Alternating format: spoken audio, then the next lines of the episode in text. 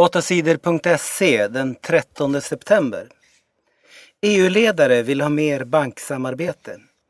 EU-ledaren José Manuel Barroso vill ge EU mera makt. Han vill att EU ska få bestämma mer när det gäller ländernas ekonomi. Det är ett sätt att stoppa ekonomiska problem innan de leder till stora kriser, säger han. Barroso vill ge EUs bank ECB mer makt.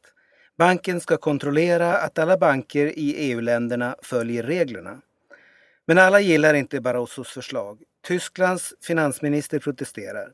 Sveriges finansminister Anders Borg gillar inte heller idén att ECB ska övervaka bankerna.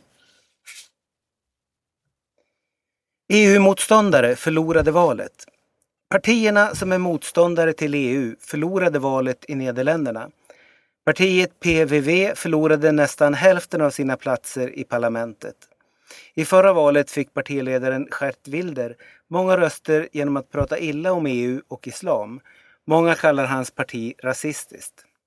Vinnare i valet blev premiärministern Mark Rutte och hans liberala parti.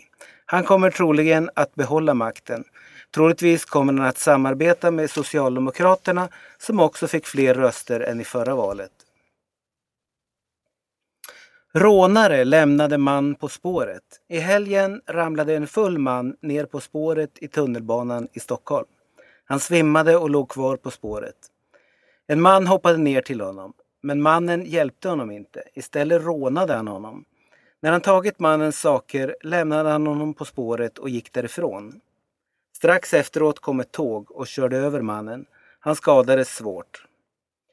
En kamera på tunnelbanestationen visar hur allt gick till. Filmen har gjort människor arga och ledsna.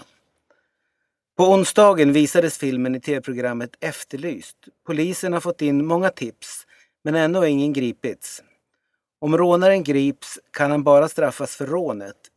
Flera politiker vill nu ha en ny lag. De vill att den som inte hjälper en skadad ska kunna straffas.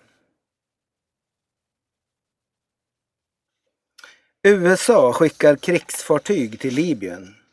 I tisdags anföll en grupp män USAs kontor i staden Benghazi i Libyen. De sköt raketer mot huset och dödade fyra människor. USAs ambassadör Chris Stevens var en av dem som dog.